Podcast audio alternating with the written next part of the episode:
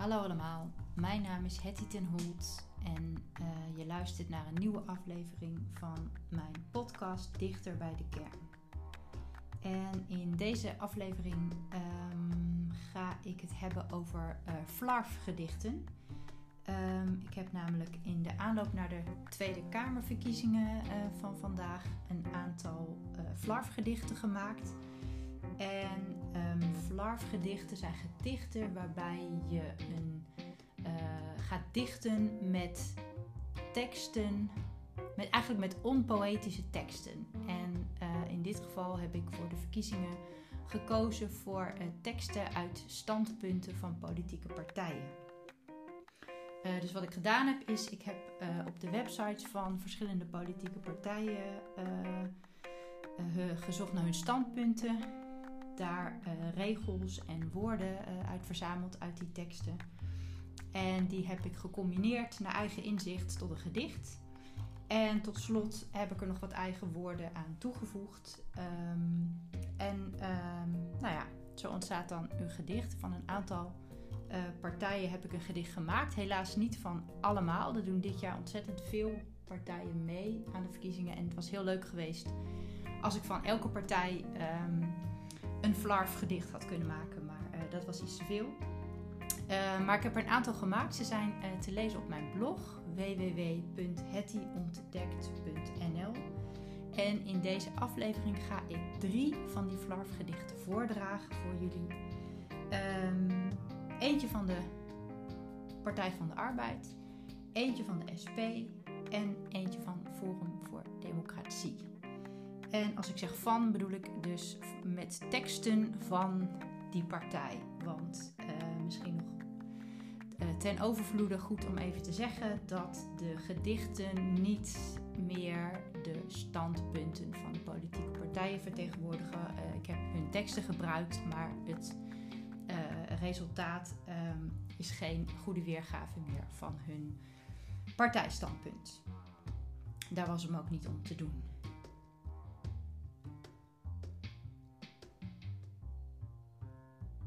Veel plezier uh, met luisteren.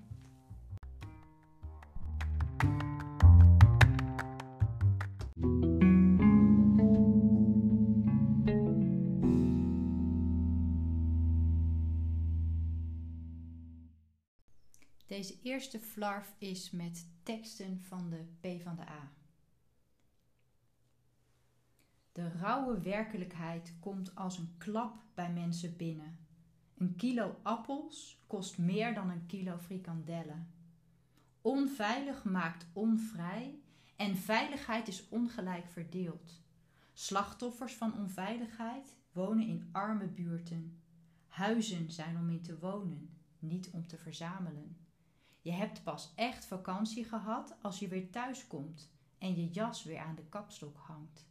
Mensen die verward zijn zonder thuis, Leraren, verpleegkundigen en agenten worden de steden uitgejaagd waar ze keihard nodig zijn. De dakloosheid verdubbelde. Dertigers blijven bij hun ouders op zolder wonen.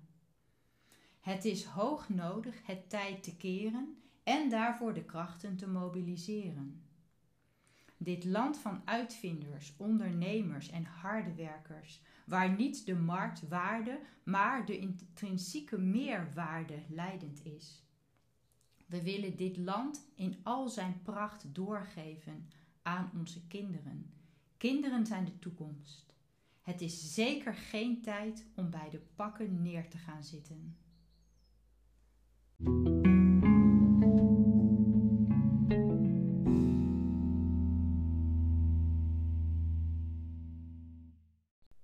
Volgende flarfgedicht is met teksten van de SP.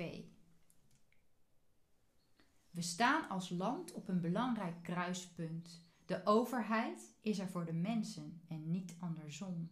De economie moet er zijn voor de mensen en niet andersom.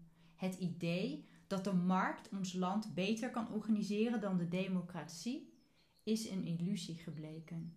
Wat niet failliet mag gaan, hoort niet op de markt aandeelhouders, cashen graag op de korte termijn. Dat ideaal is verkwanseld door de woningcorporaties. Huizen zijn onbetaalbaar. Leven in veiligheid is onbetaalbaar.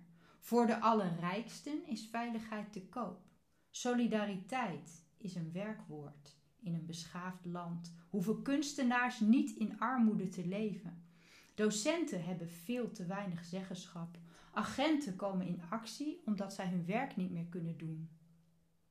Wij vormen één gemeenschap, gebouwd op onze gedeelde waarden van menselijke waardigheid en gelijkwaardigheid, waar rechters spreekuur hebben vanaf het moment dat de belangen van bedrijven boven die van burgers gebracht werden, de interne markt belangrijker dan de democratie in een nationaal historisch museum. Laten we zien hoe onze vrije en democratische samenleving ontstond. Vrijheid begint met het gunnen van ruimte aan andere mensen.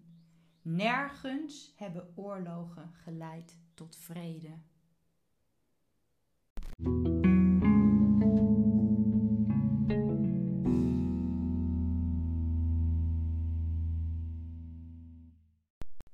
Het laatste Flarf-gedicht dat ik hier ga voordragen is met teksten van Forum voor Democratie.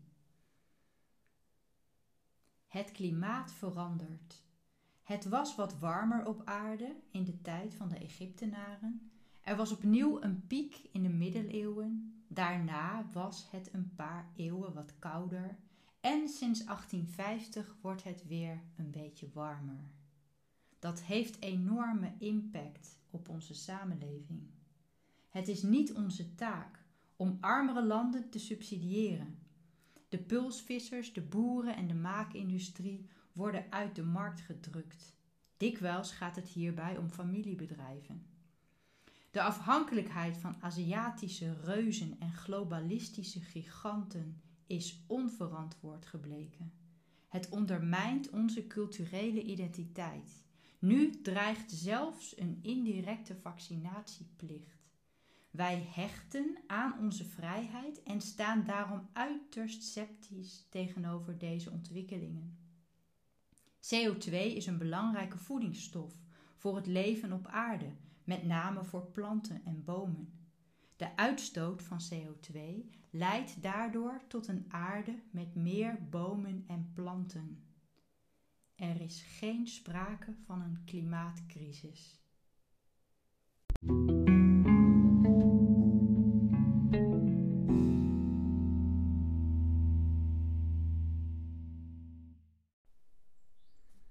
Nou, ik hoop dat je het leuk vond om uh, drie van deze Flarf-gedichten te horen. Misschien had je nog nooit van Flarven gehoord.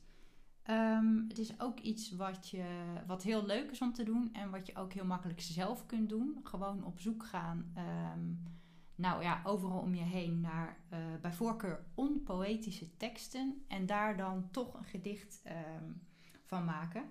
Uh, in dit geval vond ik het ook nog bijkomend nuttig dat uh, ik de partijstandpunten van een aantal partijen heb gelezen, waardoor ik ook um, nou ja, me kon voorbereiden op de verkiezingen en uh, me goed kon verdiepen in die standpunten. Ik moet wel zeggen dat dat alleen in het begin zo is. Als, je de, als ik de teksten lees, dan um, dringt ook de inhoud tot me door. daarna ging ik er, toen ik ermee ging dichten, ja, ging ik vooral kijken naar de, de, de zinnen, de, de stijl, de woordkeuze.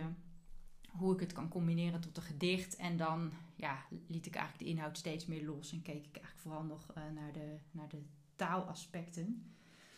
Um, ik moet er wel bij zeggen dat ik weinig veranderd heb eigenlijk aan de teksten. Uh, ik heb ze natuurlijk wel op een andere manier achter elkaar gezet. Uh, af en toe een paar woorden weggelaten of een woord vervangen.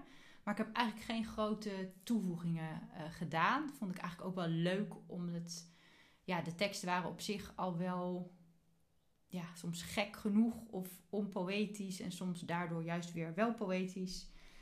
Um, dat ik het gevoel had dat ik er weinig uh, echt aan hoefde toe te voegen. Dus het is vooral het, het ja, compositie maken eigenlijk van bestaande teksten. Uh, wat ik ook nog wel leuk vond om te merken is als je dan dus vanuit de taal naar die teksten kijkt, uh, dat ik hele duidelijke verschillen kon zien tussen partijen. Uh, zo had de SP bijvoorbeeld hele korte zinnen over het algemeen op hun website staan. Waar Forum voor Democratie juist hele lange, soms wat ingewikkelde, geconstrueerde zinnen maakte. Um, SGP, wat, wat ouderwets taalgebruik, wat ouderwetsere woorden. uiteraard ook veel verwijzingen naar God en naar de Bijbel. Um, niet heel verrassend. En P van de A en ook wel de Partij voor de Dieren waren opvallend ja, verhalend. Dat ze soms echt uh, storytelling elementen in hun uh, partijstandpunten hadden gestopt. Um, dus dat was eigenlijk wel leuk om te zien. Had ik van tevoren niet, uh, niet heel duidelijke verwachtingen van, maar dat viel me echt op. Um, nou, als je het leuk vindt om meer Flarf-gedichten te lezen van politieke partijen, um, kijk dan eens op mijn website bij verkiezingspoëzie. Uh, ik zal het adres ook in de beschrijving van uh, deze podcastaflevering noemen: www.hettyontdekt.nl.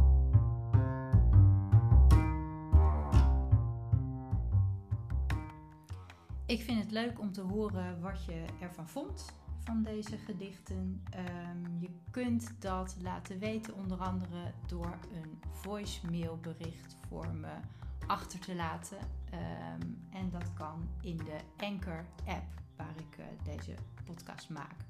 Uh, maar uiteraard kun je me ook op andere manieren bereiken. Nou, hartelijk bedankt voor het luisteren en uh, graag tot de volgende keer.